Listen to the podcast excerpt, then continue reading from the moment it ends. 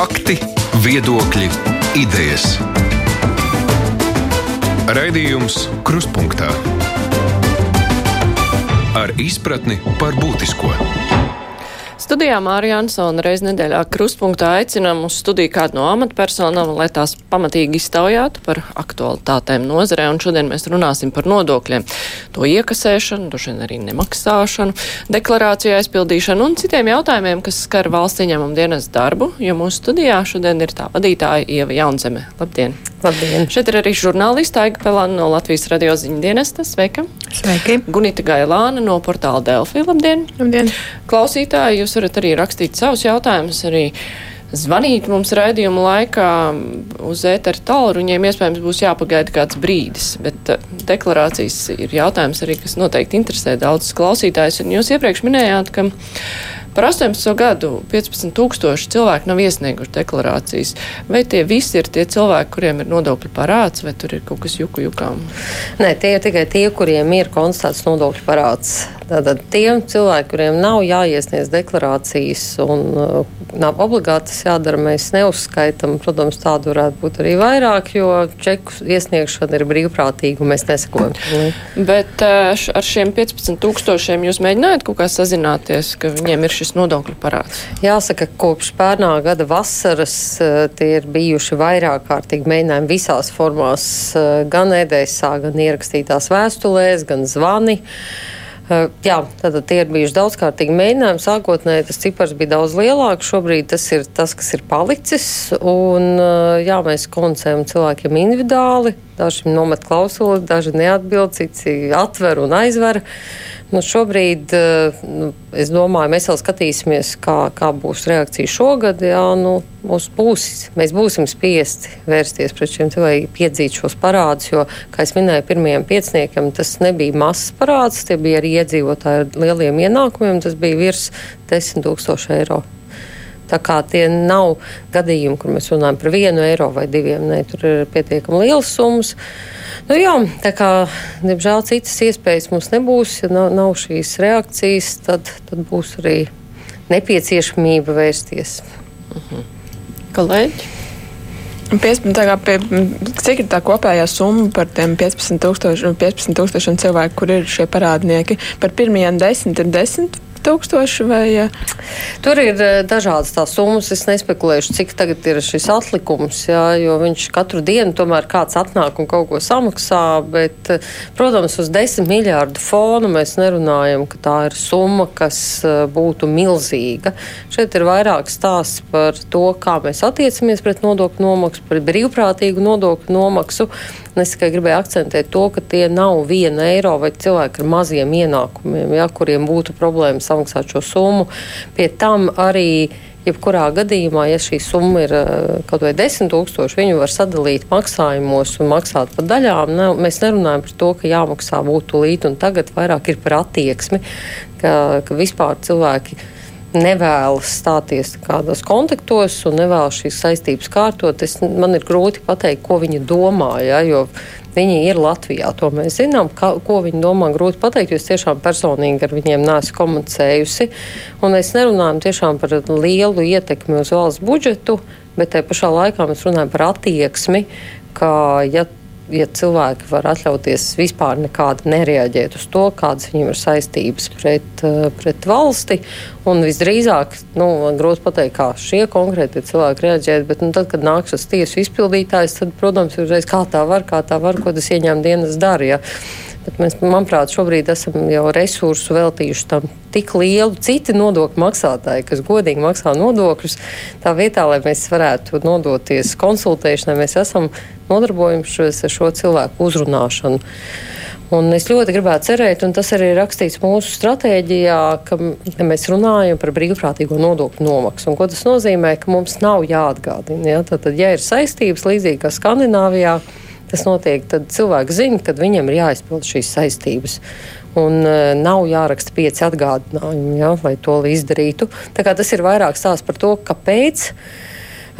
es ceru, ka mēs to atbildi kādreiz saņemsim, kāpēc cilvēki domā, ka, ka tas nav jādara. Bet uh, nevar būt tā, ka šie cilvēki vienkārši nesaprot, ka viņiem zvana. Viņi runā citā valodā un nesaprot, ka viņiem zvana un stāsta, vai arī krievu valodā tur tiek skaidrots viss un vēstules sūtīts arī. Šie gadījumi ir lielāki. Tur, tur, na, na, mēs runājam visās valodās, kādas ir nepieciešams, lai mm. varētu izskaidrot. Tas nav stāsts par to, īpaši tiem, kur tas aug, augšgals, ko es minēju, tie nebija cilvēki, kas nesaprot valodu. Tāpēc vai nu ir doma, ka varbūt kādu iemeslu pēc norakstīs vai kaut kā citādāk, jo tie ir tādi ažiotāži. Man liekas, ka pagājušā gadā, konstatējot situāciju ar parādu, parlaments darīja ļoti daudz ko, lai mīkstinātu visu šo situāciju, lai iedotu pārejas periodu. Tā kā paļauties uz to, ka pēkšņi vienā dienā šis parāds nebūs, nevajadzētu. Jo tiešām tika daudz kas izdarīts, tā skaitā arī pagarināts nomaksas termiņš līdz šim gadam. Tā kā, tā kā faktiski ir tikai jāsaka, jā, es zinu, es te esmu, es maksāšu tādos termiņos, jā, vairāk neko citu. Bet uh, es saku vēlreiz, tā ir kultūra, jā, jo ir valstis, daudzas valstis, kur nodokļu nomaksa vispār ir paša cilvēka atbildība. Tā ir gan Anglija, gan Īrija, kur mūsu pilsoņiem es tieši speciāli vaicāju īriju administrācijai, nu, kā tad Latvijas pilsoņi maksā nodokļus. Viņi saka, ļoti labi. Un pie tam, ka tur cilvēks ir atbildīgs pats par savu nodokļu nomaksu. Tur nav šī sistēma kā mums, ka darba devējs ietur un nomaksā. Katram pašam jādeklarē, viss jādara. Un tur mūsu pilsoņi diezgan ātri pielāgojās pie sistēmas. Mēs varam paklausīties vienu klausītāju, Zana ilgi gaidīja. Halo! Labdien! Labdien! Es gribēju uzdot tādu jautājumu. Sakat, vai pilnībā var paļauties uz jūsu mājaslapu un, teiksim, nu, ja tur redz, ka nav nekāds nodoklis jāmaksā, kaut arī bijis, teiksim, dzīvokļa pirkšana un pārdošana, ja, bet vidu mājaslapā neparādās un paši īsti nezinām, cik tas nodoklis liels. Paldies! Ziniet, jebkurā gadījumā, jebkurš cilvēks, kurš veic nekustamā īpašuma darījumu un ir EDS lietotājs vai pat nav EDS lietotājs, šo jautājumu var uzdot uh, mūsu konsultantiem vai arī mūsu EDS eh, sistēmā, jo pārliecību jums dod tieši tikai tas, ka jūs sakat, mums ir tāda darījuma apstākļi, ja, un vai tajā gadījumā bija jāmaksā nodoklis. Mājas lapā ir, protams, ir informācija, var paļauties uz to, bet ja darījums ir noticis, es labāk pārliecinātos EDSā, vai pie šiem apstākļiem tas bija jādara. Mm -hmm. okay. Es gribēju vēl uz īsu mirkli atgriezties pie tiem 15 tūkstošiem. Um, kāds tas ir īpatsvars no kopējās, uh, kopējā cilvēka skaita, kas ir samaksājis. Jo tagad rodas tās iespējas, ka šausmas 15,000 nav samaksājuši. Varbūt tas ir vienkārši nepilns procents, varbūt vēl mazāk. Un tad mums īpaši nu, satraukties. Nu, jebkurā sistēmā ir cilvēki, kas kaut ko neizdara. Uh, jā, es esmu par to domājis. Kopējais deklarācijas skaits vispār pagājušajā gadā bija vairāk kā miljons. Protams, ja mēs skatāmies no tāda viedokļa, mūsu cilvēki ir gana disciplinēti. Tā pašā laikā 15,000 parasti pārvēršu kādā vienībā, tā ir maza, maza pilsētiņa. Ja, kaut kur. Un tas tomēr nav, nav tik maz. Ja, es varēju teikt, ja Te pašā Zviedrijā labprātīgā nomaksa ir 98%. Tad šajā gadījumā, protams, es varētu teikt, nu, kas tur ir 15,000, bet 15,000 nu, no miljona ir diezgan daudz, ja mēs skatāmies tieši no tāda. Nu, Kopējās disciplīnas. Jā, bet nu, šajā gadījumā vairāk es saku, varētu teikt, ka nav nekas, jā, bet pašā laikā liekas, tomēr, kāpēc? Jo kāpēc, un te pašā laikā cilvēkiem ir vēlme saņemt sociālus pakalpojumus un citā veidā jā, labumus, jā, bet kāpēc tieši ir grūti noskaidrot? Starp citu, mēs arī esam sazinājušies, man bija interesanta saruna ar vienu doktora grādu ieguvēju, kurš uh, tagad vēlas pēc, pēc doktora studijas tieši tajā uzvedības pētījumos. Un viens no, viena no tēmām, kas viņu tagad arī uzrunā, ir tieši šī maksājuma veikšana, nodokļu maksājuma veikšana. Varbūt tieši šo uzvedības pētījumu rezultātā mēs nonāktu pie tā, kāpēc viena vai otra nodokļu maksātāja grupa uzvedās tieši tā, kā viņi uzvedās. Jo Jo tas nav nekas jauns, to dara gan briti, gan amerikāņi. Un tad mēs varētu gūt skaidru atbildi, kāpēc ir tomēr grupas. Jo, ja mēs skatāmies kopā, arī tā skaitā aplūkšņa algu saņēmējus, ja, un es tomēr lieku lielā mērā to morāli vienā, vienā grozā. Ja. Mēs pētījām trīs lietas - aploksņa algas, nodokļu nomaksas disciplīnu un deklarēšanas disciplīnu. Un viņi ir krietni zem attīstītās Eiropas līmeņa. Katrs cilvēks, kurš to dara, noteikti domā kaut ko, kāpēc viņš to dara. Nu jā, droši vien arī jāskatās, kā ir mūsu reģionā, tajā skaitā bijušajās sociālismu valstīs. Bet uh, par deklarācijām runājot, uh, cik daudz ir cilvēku, kas nav iesnieguši deklarācijas, kuriem ir iespēja naudu saņemt atpakaļ? To es e, nepateikšu, jo mēs tur, kur mēs varam atskaitīt un kur mēs redzam jau šīs summas, e, mēs skaitām paši. Bet e, principā man grūti ir pateikt, bet pagājušā gadā sakrā ar to, ka veidoja šīs piemaksas aktivitāte, bija pieauga gan par 200 tūkstošiem.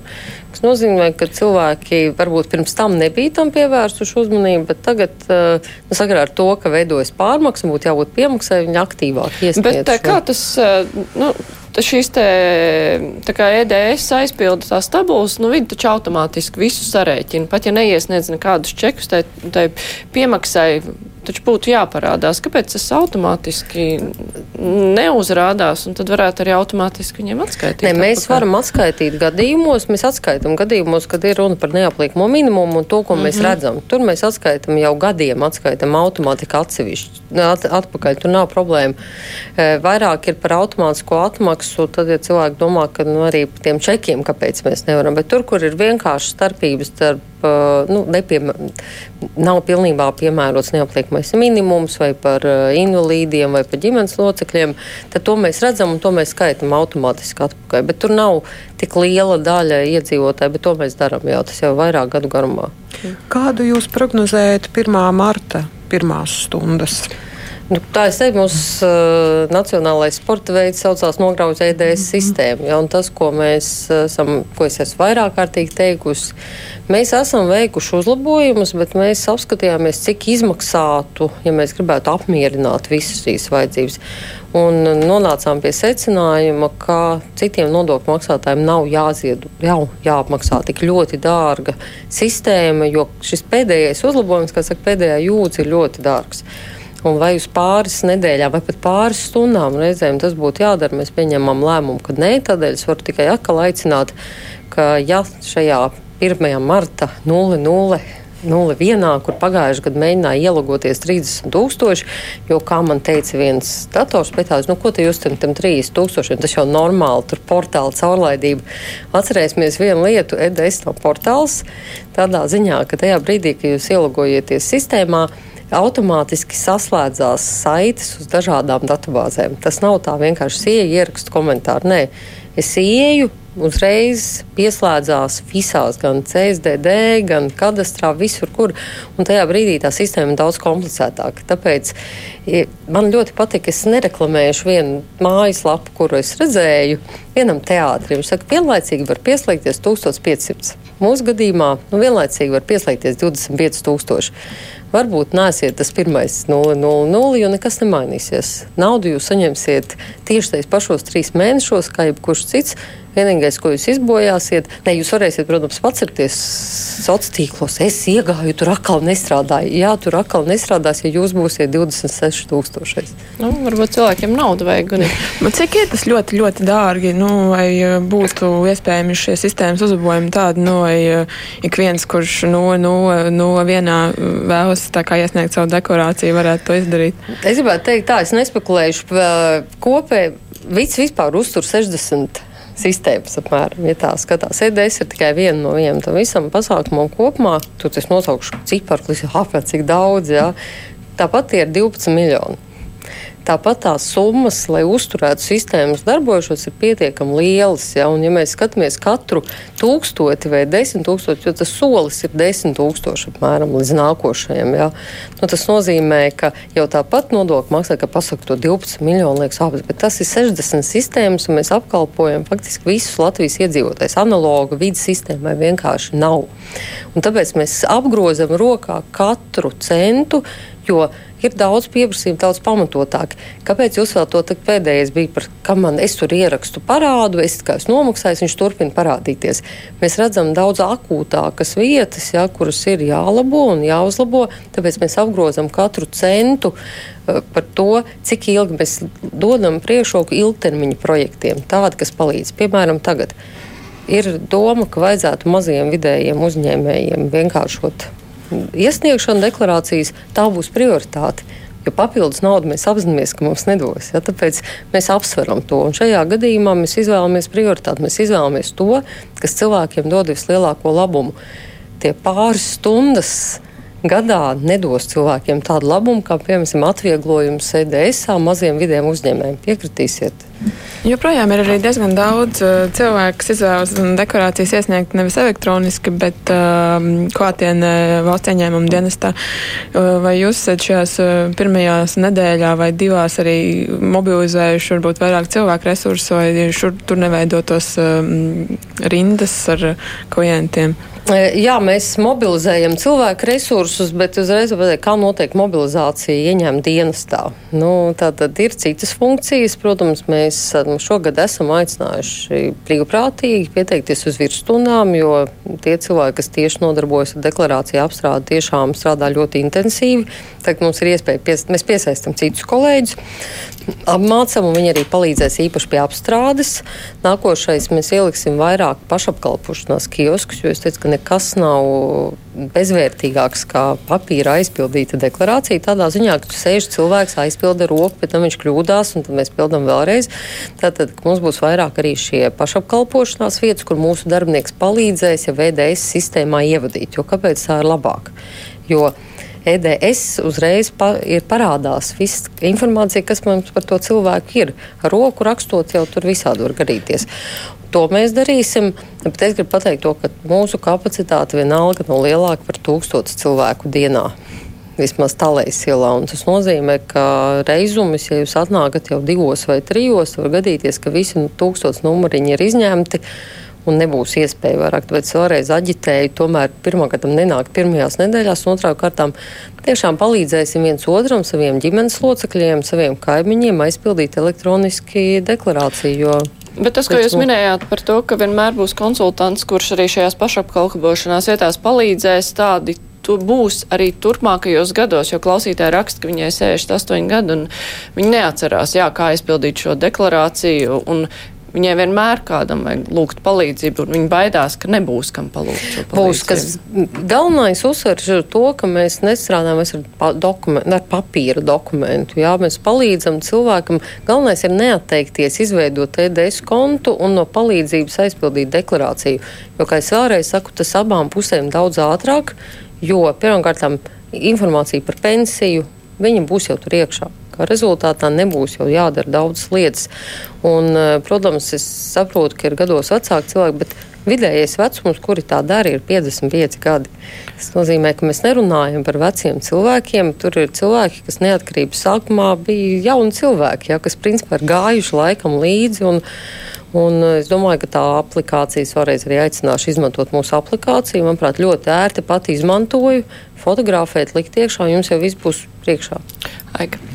Es gribēju mazliet uh, paiet tālāk no šīm deklarācijām. Es esmu pamanījis, ka sociālajos tīklos īpaši pēdējā laikā ļoti daudz radošu cilvēku saka, ka viņi ir saņēmuši uzrēķinu par uh, nenomaksātiem nodokļiem nu, saistībā ar to, ka viņi ir saņēmuši autoratlīdzības. Uh, sakiet, lūdzu, vai ir kaut kāda īpaša, um, īpaša audits uz tieši šiem cilvēkiem, kas saņēma autoratlīdzības? Jūs kaut kā īpaši uzmanību pievēršat viņiem? Ne īsti nav nekādas. Mēs vispār, eh, godīgi sakot, tādas akcijas vairs nerīkojam. Šajā gadījumā iespējams, ka pārbaudot eh, vai arī salīdzinot datus, ir izrādījies, ka kāds nav kaut ko nodeklarējis un no kaut kā nav kaut ko nomaksājis. Te jāstāsta ir eh, konkrēti, jo mūsu digitālā varēšana katru dienu attīstās. Un mēs ar vien vairāk varam salīdzināt dažādas informācijas avotus. Tas varētu būt pamats, jo Es varbūt arī vērsīšu uzmanību uz to, ka mūsu datubāzēs iet visa informācija, un tā skaitā dažādi pievienotās vērtības nodokļi un viss. Iespējams, ka mūsu zinātība ir gājusi tālāk. Un, Bet tā, ka mums būtu speciāla akcija par autoru atlīdzībām, es varu uzreiz teikt, nē, cik jūs varat veikt šos individuālos auditus privātpersonām? Gadā, cik jūs veicat? Teiksim tā, tie nav simtiem tūkstoši, jā, ja kopumā vispār auditu skaits ir ap tūkstoti. Vispār skatās. Jā. Tur nav jau saku, Tas visur, ir gan uzņēmumi, jā, ja vispār skatās, ka auditi visur ir nu, nav. Mums tā kapacitāte vairāk par tūkstotu nav. To, to droši... kā izvēlās, kurus uh, tad auditēs? Jā, nē, jautājums par fiziskām personām ir šī cits. Jā. Tur ir tas, ko mēs arī šobrīd esam ierosinājuši, ir par pārbaužu veidu konsolidāciju, jo ne visi ir auditi. Jo ir, ir datu ticamības pārbaudes, piemēram, kur mēs vienkārši no dažādām datu bāzēm, varbūt ne par autoru atlīdzībām, drīzāk par tiem pašiem dzīvokļiem, ja, ka mēs redzam pārdošanas darījumu. Mēs redzam, kā ir mainījies īpašnieks kadastrā reģistrētam. Un tad mēs skatāmies, vai par to bija jāmaksā, vai ir nomaksāti nodokļi. Mēs drīzāk caur pieslēgšanās dažādām datubāzēm. Mēs redzam automašīnas pārdošanas darījumus, mēs redzam zemes pārdošanas darījumus. Un tad mēs izvērtējam, vai likumā piemērojamie atvieglojumi attiecās uz šo gadījumu. Un tas nav audits, tas ir drīzāk nu, datu ticamības pārbaude, kuras lietvaros mēs redzam, ir vai nav. Un tajā brīdī, ja mēs redzam, ka cilvēks nav nomaksājis. Nu, kā mēs sakām, mēs piestādām rēķinu par stundu starpību. Ja. Reizums ir cilvēki paļaujas uz to, ka mēs nepārbaudīsim, teiksim, remonta izdevumus. Ir, kur atsevinot īpašumu var pierādīt. Nu, tad tur tiešām reizumus cilvēki paļaujas uz to, ka mēs neskatīsimies, kas tur notiek. Un tad ir, nu, tad ir ķieģeļi par milzu cenām un krāsa, bet tad, nu, nu, vispār. Principā ir labāk krāt eh, čekus, ja remontē dzīvokli, tad labāk krāt čekus. Es teikšu tā, tie, kas ir labticīgi, tā arī dara. Brīnumi vairāk ir tiem, kas vēlas, nu, domā, ka mēs nepievērsīsim uzmanību, un tad ir es no onkulīša nopirku, re, kur man ir atlīdzības dokuments, tie ķieģeļi maksāja trīsreiz vairāk kā tirgu, ja, vai vispār kā veikalā. Tāpēc es gribētu vērst uzmanību, ka mēs tiešām redzam šos darījumus, un mēs kritiski izvērtējam, ja nu, tajā brīdī tas remonts ir izrādījies tajā ilduciem dzīvoklī tāds, ka, nu, grūti pateikt, vai strūkla ir bijusi vai baseins, ja, tad mēs, protams, pievēršam tam uzmanību. Bet pirmā komunikācija vienmēr parasti ir rakstiskie desā. Lūdzam izvērtēt un precizēt jūsu darījumu. Tāda ir pirmā komunikācija. Un tad, ja nenotiek, nav nekādas reakcijas, tad, protams, seko kaut kas cits. Bet, bet mēs redzam šos darījumus. Cilvēkam jā, jāsaprot, ka uz viņu skatās.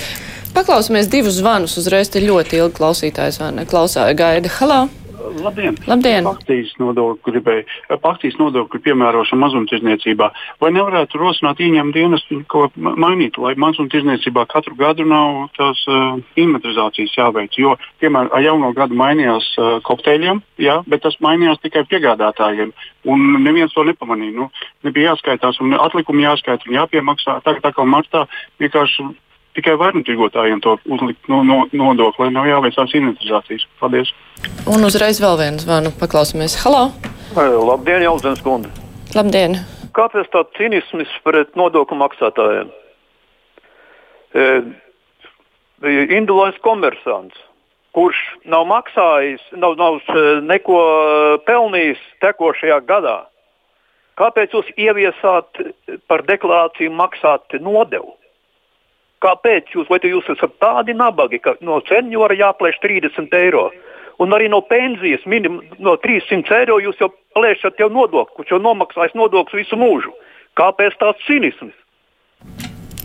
Pirmais bija jā, par akcijas nodokli, lai katru gadu nav inventarizācija. Jā, es teikšu, mums Mēs esam ierosinājuši virkni priekšlikumu attiecībā uz uh, dažādām lietām par akcijas, bet es varu teikt, man grūti uzreiz pateikt, kā mēs citādi varam konstatēt situāciju uz datu miksu labākā izēja būtu, ka mums akcijas nodokļu likme nemainītos, un tad nebūtu arī jāinventarizē tik bieži. Šobrīd man nav atbildes, kā to, to varētu noteikt, ja, jo tas iemesls ir ļoti konkrēts. Akcijas aprēķins konkrētām precēm, akcijas ir eh, jāmaksā par konkrētiem litriem, un man nav šobrīd viedokļi par to. Man, kā to varētu atrisināt savādāk. Nu, nemainot likmes droši vien būtu vienkāršākais. Par otro jautājumu ir atbildēja, ka mēs ieņēmām dienas neizdod likumus un nepieņem kādu, kura likuma jāpiemēro. Es vienīgais gribētu teikt to, ka attiecībā uz individuāliem komersantiem tā likme pat ir 50 eiro, un cik es zinu, viņas mērķis bija ļoti konkrēts. Ja tu neveic uzņēmēju darbību, esi tik laipns izslēdzies no reģistriem. Mums šobrīd ir gandrīz 50 tūkstoši ekonomiski neaktīvu komersantu kuri neveic nekādu saimniecisko darbību. Un, principā, tie, cik es zinu, man kolēģi ir teikuši, tie 50 eiro bija domāti priekš tam, lai ja neveic darbību, tad lai, lai atreģistrējās un lai nebūtu teiksim, tā, tukši uzņēmumi. Nu, ir jau arī cita situācija, ka tu veic uzņēmēju darbību, bet tev ir reāli zaudējumi, bet trešajā gadā ir tie 50 eiro jāmaksā arī pie tā, ka nu, tie zaudējumi varbūt arī turpinās. Es gribu domāt, ka šobrīd, kad mēs runājam par tiem deviņiem dažādiem režīmiem, mm. kas šobrīd Latvijā pretēji Igaunijai piemēram, ir, es domāju, ka tas būs uh, viena no evolūcijas sastāvdaļām, jo, protams, kā mēs redzam, pie 50 tūkstošu neaktīviem šī norma neko daudz nav atrisinājusi tikai tas ir sloks gan maksātājiem, gan, gan ieņēmuma dienestam. Es domāju, ka atrisinot eh, jautājumu par deviņiem režīmiem, atrisināsies jautājums par 50 eiro. Mazliet paturpinot vienu lietu, es pievērsu uzmanību jūsu Facebook eh, mājaslapā. Jūs publicējāt pagājušās nedēļas nogalē par aplūkšņa algu sadalījumu pa reģioniem. Tādu ļoti uzskatāmu karti, kur bija redzams, ka Rīgā tātad 37% saņem aplūkšņa algas, kur zem vidzem zemgala 30%. 33, Latvijā 34. Uh, nu, man vispār tā informācija likās ļoti šokējoša. Kā jūs vispār tikāt pie tāda cipara, kad Rīgā 37% saņēma aploksņa algas? Ja es kaut ko nejaucu pēc tā, kā es sapratu šo informāciju. Nē, viss, viss ir pareizi. Nu, tā, tāpēc mūsu aprēķiniem sanāk, jo matemātika, kā mēs to analītiku veicam, ir, nu, nav vienkārši. Tas ir sarežģīti. Mēs salīdzinām vidēju algu nozarē, pat vidēju. Mēs nerunājam par top uzņēmumu algām. Mēs runājam par vidējām, salīdzinām te pašā nozarē ar citām algām. Un tad mēs redzam tās starpības, jā, nu, ja, ja kvalificēts eh, strādnieks saņem 1200 apmēram, viņam būtu jāsaņem, bet viņš saņem 400, tad šīs mēs ieskaitām viņu aplūkšņu algu saņēmējos, jo ir skaidrs, ka maz ticams, ka viņš Rīgā par tiem 450 eiro šobrīd strādā. Nu, lūk, tādā veidā arī veidojās eh, šis cipars, jo, protams, ir starpības. Reiz var pateikt, ka, ja Rīgā tā ir vidēji visdrīzāk kaut kur ap 500 eiro tad uh, Latvijā iespējams tā ir ap 50 eiro. Ja, tur ir starpības starp tām aploksņa algām, bet ko norāda tieši šis fakts, ka aploksņa algas nav nabadzības vai darba nēsamības fenomens, jo kā bija, ko tad cilvēkiem nabagiem darīt, citu darba vietu nav. Tas, ka Rīgā īpatsvars ir faktiski tikpat liels kā Latgalē, liecina to, ka tas ir morālis, nevis nabadzības vai eksistences jautājums. Tas ir iegājies, un tam nav sakara ar to, nav, tam nav attaisnojuma, tā es drīzāk teiktu, jo cilvēki arī labi pelna un tikai daļa no tā, lai nebūtu jāmaksā nodokļi, viņiem ir pieņemams tas, ka par viņiem nemaksā nodokļus, to dara. Jā, nu, ja katrs trešais Rīgā saņem aplūšņa algu, kas ir šīs specialitātes, kas ir šīs nozares, kurās tās aplūšņa algas ir tik populāras? Es, kā es agrāk biju ļoti moderni teikt, tajā nozarē ir vairāk vai tajā nozarē. Tā, skatoties to sarakstu, ir visas nozares. Ir nozares, kā arī saka paši nozaru uzņēmēji. Es esmu piekusi strādāt šādos apstākļos, jo manā nozarē es daru pareizi, tie dara nepareizi. E, tas ir tas brīdis, kad iespējams paši uzņēmēji ir gatavi runāt par to. Tas nav tā, ka nu, tur, tur tajā nozarē vienmēr ir sliktāk. Nē, vienas nozares ietvaros, kā es teicu, tas Ja skatās to mūsu gradāciju, ja, tad, tad tie ļoti labie uzņēmumi, tur vidēji alga ir 1400, bet tas ir pa visām specialitātēm. Nākošie ir 900, un tad ir kritiens uz 450.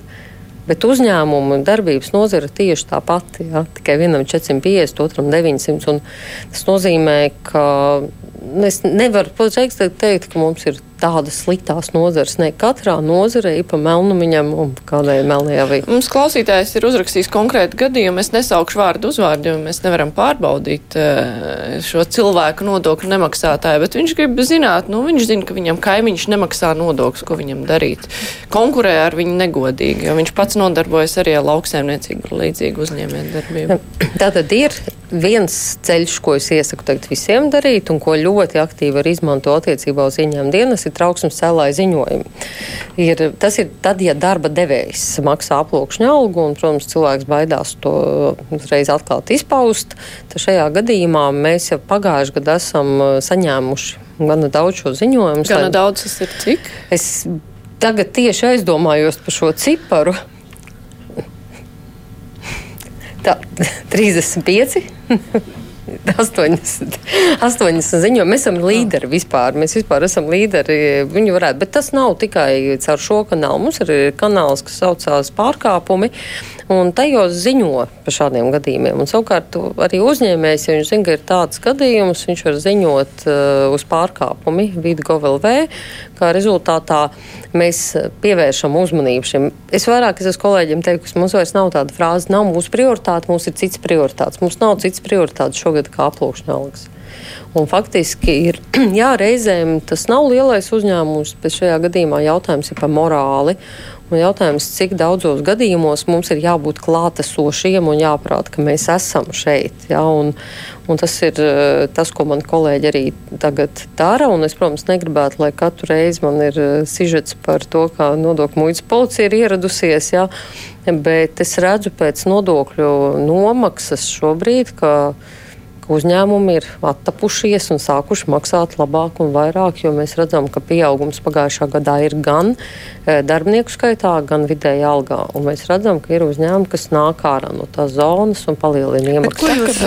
E, jā, man ir jāatgādina klausītājiem un, e, un arī televīzijas skatītājiem, ka šodien mūsu studijā ir valsts ieņēmuma dienas vadītāja Ieva Jaunzem un arī žurnālists Aiga Pelēna no Latvijas radio un Gunita Gēlāna no portāla Delfa. Turpināsim tūlīt.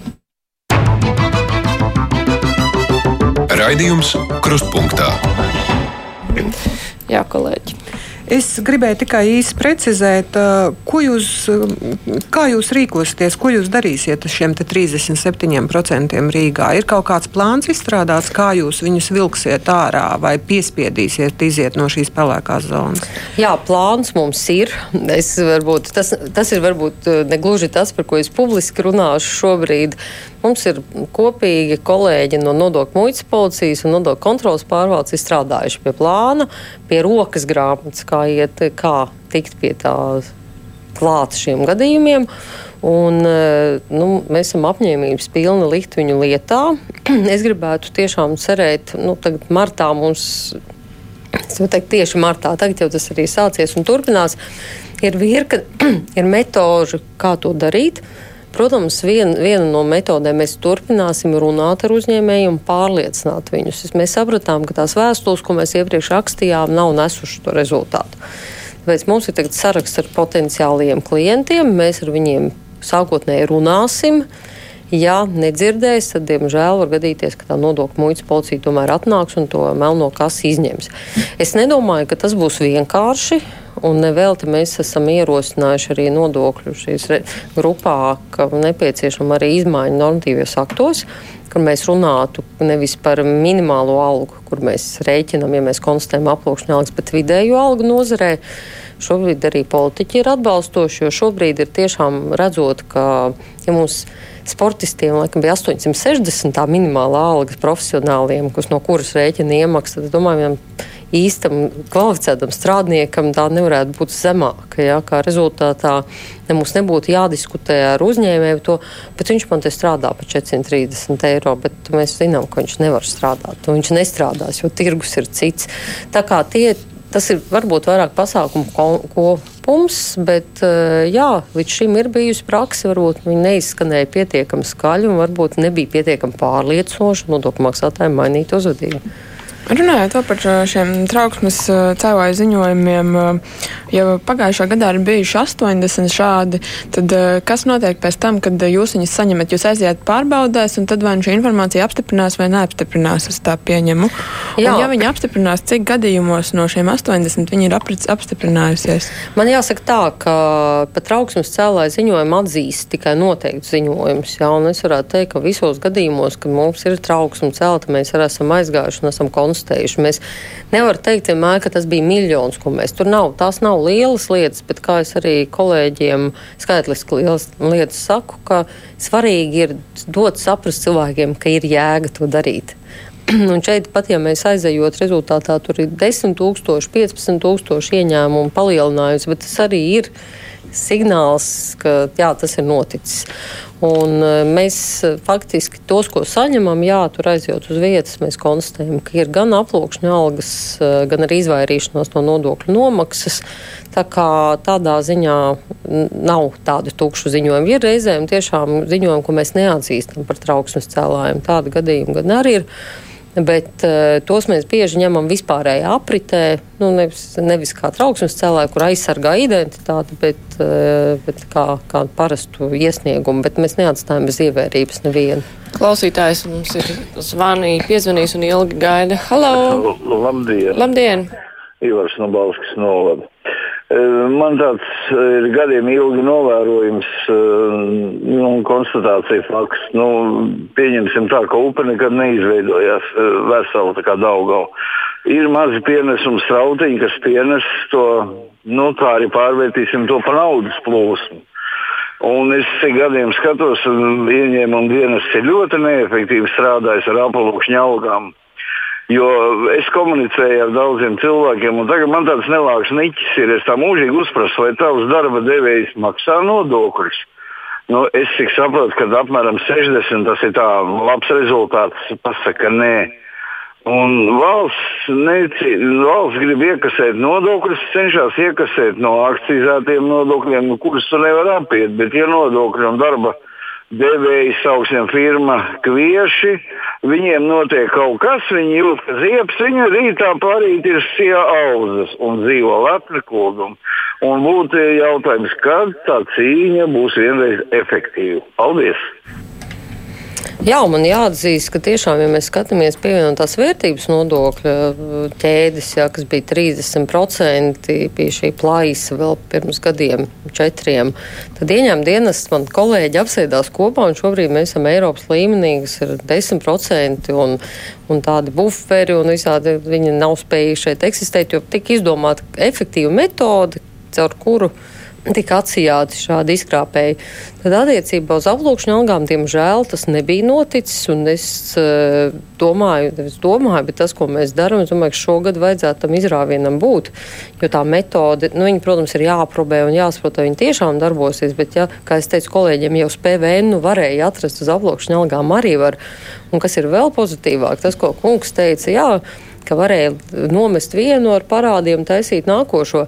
Mums ir, mēs solījām, ka mēs iesim uz tiesu, un mēs esam aizgājuši uz tiesu. Mums ir pirmais labvēlīgais spriedums jau par to, ka tāds uzņēmums, kas no, tur bija no auzām par miežiem, nu, un tiesa lēma vismaz pirmā instance, ka miežiem ir jāsamaksā iepriekšējais parāds. Un es domāju, mēs neapstāsimies, mums ir sagatavotas šīs lietas, mēs iesim un to darīsim.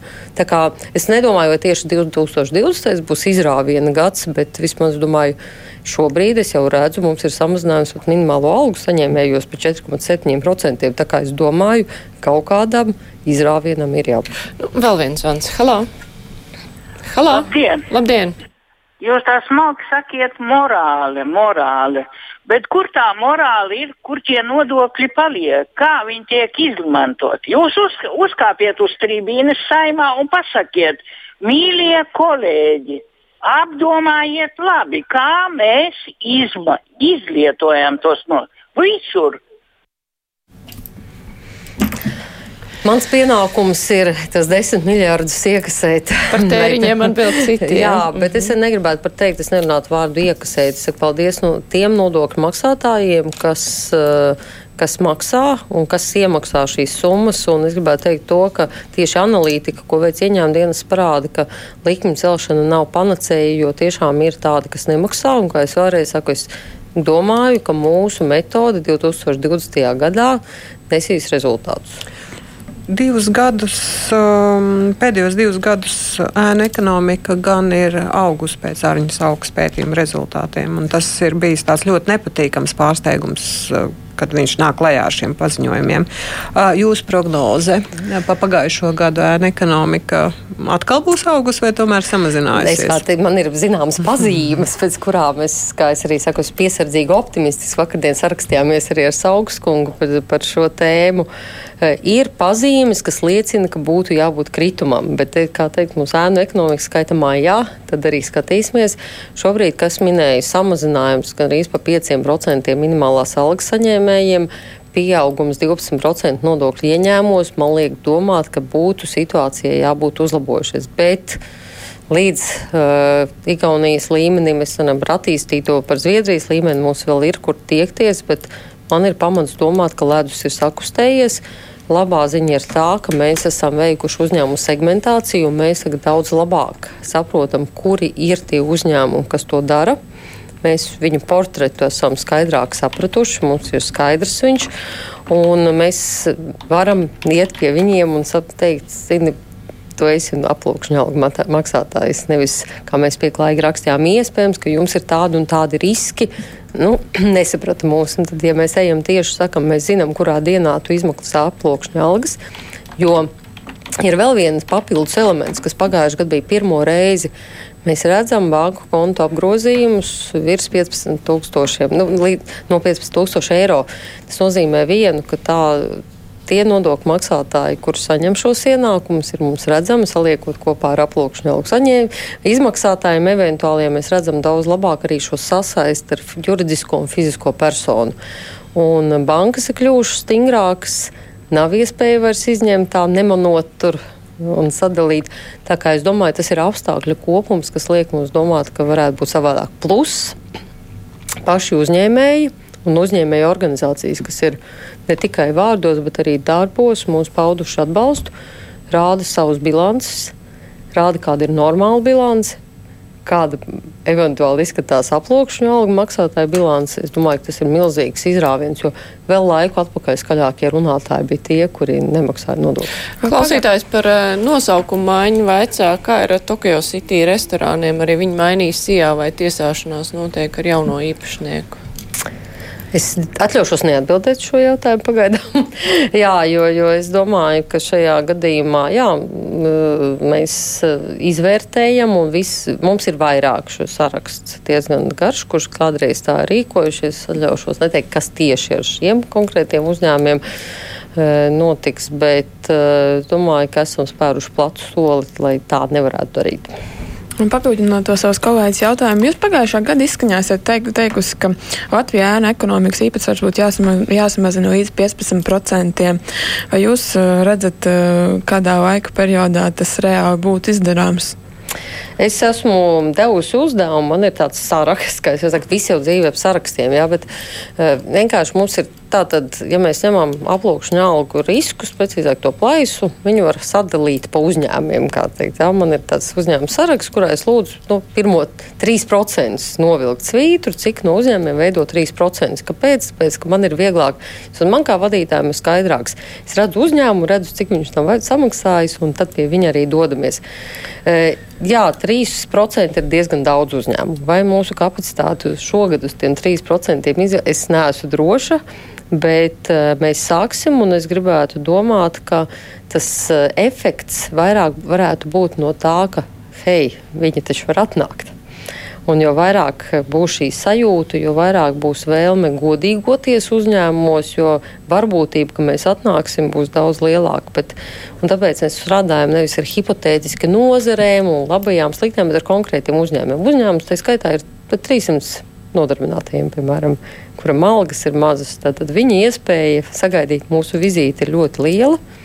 Bet pirms tam mēs būsim veikuši mājas darbus, izpētījuši, kad viņa darbinieki saņem algas, cik daudz atpakaļ iet uz bankomātu iemaksās šīs summas, mūsu būsim apskatījušies viņa iepriekšējo vēsturi, salīdzinājuši viņu ar citām, citiem nozares uzņēmumiem. Kā jau teicu, mums jau rāda tās bilances, mēs redzam, un tad mēs būsim daudz labāk sagatavojušies. Tāpēc es domāju, nu, 3%. Man, man uz tāfeles tā var rakstīts mērķis 3% samazinājums. Gadā? Vai ne, tā kā... Jā, es jau mēģinu jābūt ambicioziem. Jā. Bet, nu, tad šogad, jā, mēs, protams, kā arī kolēģiem spriedzām, mērķiem jābūt ambicioziem, bet, protams, ka es nevienam neko ļaunu nedarīšu, mēs nebūsim sasnieguši. Bet mums ir galvenais parādīt progresu un iedzīvināt tos mūsu rokas grāmatu un to metodu līdzīgi, jo arī pievienotās vērtības nodoklī tas nebija viena gada darbs, jā, kad izdevās tikt tik tālu. Tas arī bija vairāk gadu darbs Bet tas notika. Galvenais ir rādīt progresu. Savukārt, ja šī metode nedarbosies, tad mums ātri jāpārkārtojās un jāķerās pie nākamās metodes. Bet eh, šī metode ir salīdzinoši jauna, vai arī tā, tā sākās jau tad, kad jūs stājāties amatā, kas nu, ir aptuveni bišķiņu vairāk kā gadu atpakaļ. Un, ja tas bija jau tad, tad kāds ir tas eh, nu, esošais rezultāts jau šajā gada laikā? Pagājušā gadā, kad es stājos amatā un arī izveicot analīzi gan par auditiem, gan kontrols pasākumiem, Mēs salīdzinoši maz darījām, mēs darījām vairāk pievienotās vērtības nodoklī nekā aplošņa algās, jo, kā arī godīgi kolēģi atzina, mēs īsti nezinām, kā lai tiek ar to visu galā. Ja? Un tas bija vienkārši virs uzdevums to visu sākt sakārtot, ja? jo Jo, jā, cilvēki arī paši, nu, kā, kā man arī tiesneši teikuši, jūs tik mēģiniet tik ļoti sarežģīti pierādīt to aplūkšņa algu, jā, jo mums ir likumā pateikts, ka jāpierāda avots un avotu atrast nevarēja. Un tad tur, nu, teiksim tā, kā teica tiesneši, lasīt tos lēmumus bija vienkārši nu, sāpīgi. Jā. Tagad es arī saku, nav jau tāda brīnuma tablete. Bet iespējams, ka šī tablete, kur zinātība salikta kopā policijai ar kontroli, būs labāka nekā iepriekšējā mokošā ar aprēķinu metodēm un dažādi citādi. Vēl pēdējo zvanu paklausāmies. Halā! Halā! Labdien! Labdien. Halā. Man ir tāds jautājums. Jautājums ir par lauksaimniecību. Lauksaimniecībā ir daudz dažādas nozares, graudkopības, lopkopības un tā tālāk. Un ir viena ļoti darbietrupīga nozare, tā ir dārziņu kopība. Sakiet, lūdzu, vai tiek veikta kaut kāda analīze par to, teiksim, nu, ir entie desmit hektāru platības dārziņu, jā, un eh, daži strādājošie cilvēki. Sakiet, vai jums šāda saimniecība neliekās aizdomīga, ka tur, teiksim, tie nodokļi netiek maksāti, jo man, piemēram, personīgi ir ļoti daudz uh, nu, pensijas vecuma cilvēki, kas vasarā strādā bez jebkādiem nodokļiem, tie gan ir sezonas darbi. Un zinu arī tādu, kas strādā visu gadu, bet viņš principā nav strādājošais lauksaimniecībā. Es domāju, ka to taču būtu viegli izskaidrot. Jā, un šeit mēs atkal nonācām pie tā, nu jūs taču atnāciet un atrodiet. Un tā ir viena tāda mūsu tāda īpatnība atšķirībā no Zviedrijas. Tur, ja pilsonis būtu redzējis šādus apstākļus, viņš jau būtu piezvanījis, ieņēmis dienas tam trīs reizes un atvedis viņus uz turieni. Mūsu gadījumā mēs paši nē, mēs sakām, Protams, tas ir mūsu darbs. Mums jāiet un jādara. Protams, mēs varam izskaidrot un izdarīt. Un, bet mums būtu daudz palīdzīgāk, ja mums šie signāli nāktu no pašiem uzņēmējiem, jā, kā, kas jau tagad nāk. Un paldies, tagad, kad ir atvērušies, gan arī no cilvēkiem, kuram ir ja sāp šāda lieta. Nu, tad kurā vietā, kur atrodas šī saimniecība? Kur ir tie vārdi un uzvārdi, kuri tur strādā un kas nav reģistrēti? Un, piemēram, jā, par to reģistrāciju, protams, tā pati čeka loterija, ko mums deva, jāizējām, un izrādās tur 25 nereģistrēti darbinieki, jā, mēs redzam, ka viņi tur nav. Protams, ka mēs varam izskaidrot, bet mēs būsim ļoti pateicīgi, arī cilvēki dos konkrētas norādes par konkrētām aplūkšņa algu izmaksas vietām, stundām, laikiem, un arī tur, kur notiek šī nereģistrētā uzņēmējdarbība. Ja? Un mēs būsim tikai pateicīgi par to.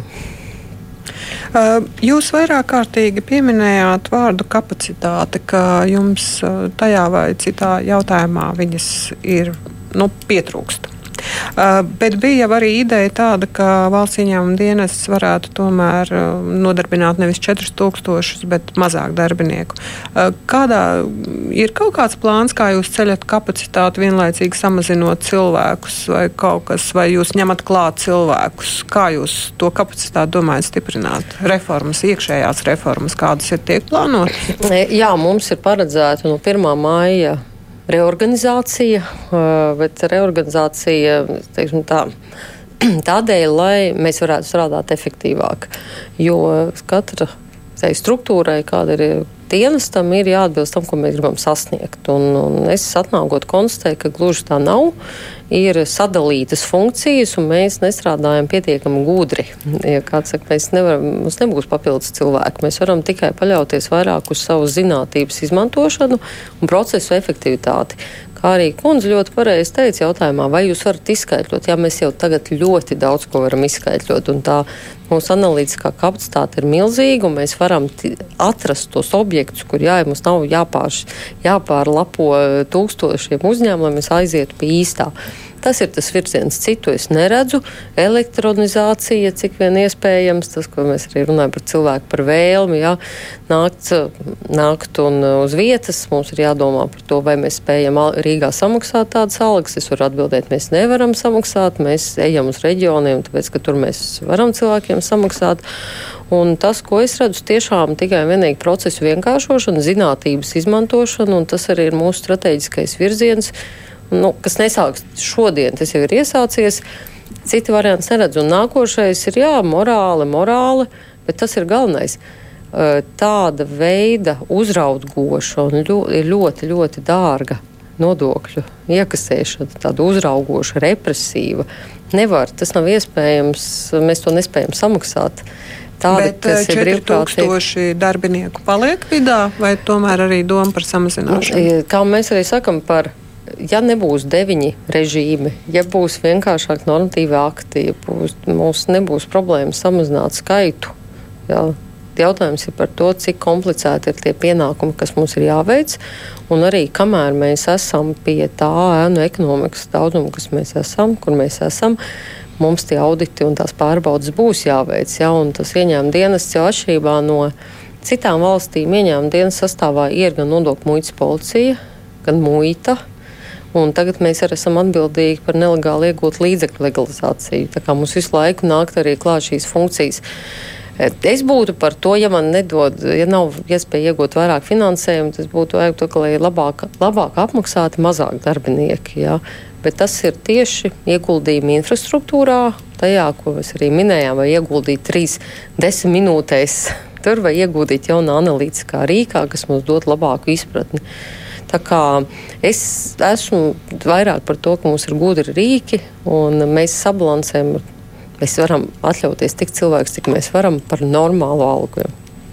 Jā, mums, eh, diemžēl, daudz jautājumiem vairs eh, laika nav. Šeit klausītājs raksta, ka uh, viņš zina galdniecības uzņēmums daudzus, kur neviens nemaksā nodokļus pilnā apmērā, un ir bijuši arī tādi, kas piedalījušies Nacionālās bibliotekas būvniecībā, kas tomēr ir valsts pasūtījums, un uh, norāda, ka, nu, kā apakšuzņēmēji, ka šie apakšuzņēmēji netiek izkontrolēti pietiekoši daudz un gal galā saņem valsts pasūtījumus. Vai ieņēmuma dienests arī var pievērst tam uzmanību? Es gribētu panākt to, ka mūsu segmentēšana, ko mēs veicam uzņēmumu, ka mēs sakam 5 zvaigžņu, 4 zvaigžņu, 3 un tādu, kuriem vispār nu, ne tikai zvaigznes, bet kas jāvirz uz izēju, ka šo mūsu segmentāciju izmantotu visās nozarēs, gan dodot licences, gan valsts pasūtījumus, lai nebūtu jāskaidrojās katru reizi, ka tad, ja tu neesi cienījams nodokļu maksātājs, tad atvainojiet, nav ko darīt pie valsts pasūtījuma. Pie valsts pasūtījuma galda. Jā. Jā. Es saku paldies. Šodien mūsu studijā bija valsts ieņēmuma dienesta vadītāja Ieva Jaunsem. Šeit bija arī žurnālists Caiga Pelēna no Latvijas radio ziņu dienesta un Gunita Gēlāna no portāla Delfa. Rīt kruspunktā runāsim par topošo sabiedrisko mēdīju likumu. Saimā tas būs jāskat otrajā lasīmā, tur ir daudz strīdīgas lietas, un nu, tad būs diskusija par to raidījumu ciklā mēdīja anatomija, bet nu, to jau pārvaldīs mans kolēģis Aidis Tomsons.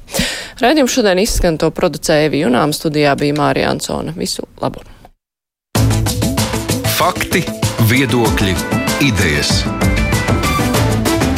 Raidījums Krustpunktā ar izpratni par būtisko.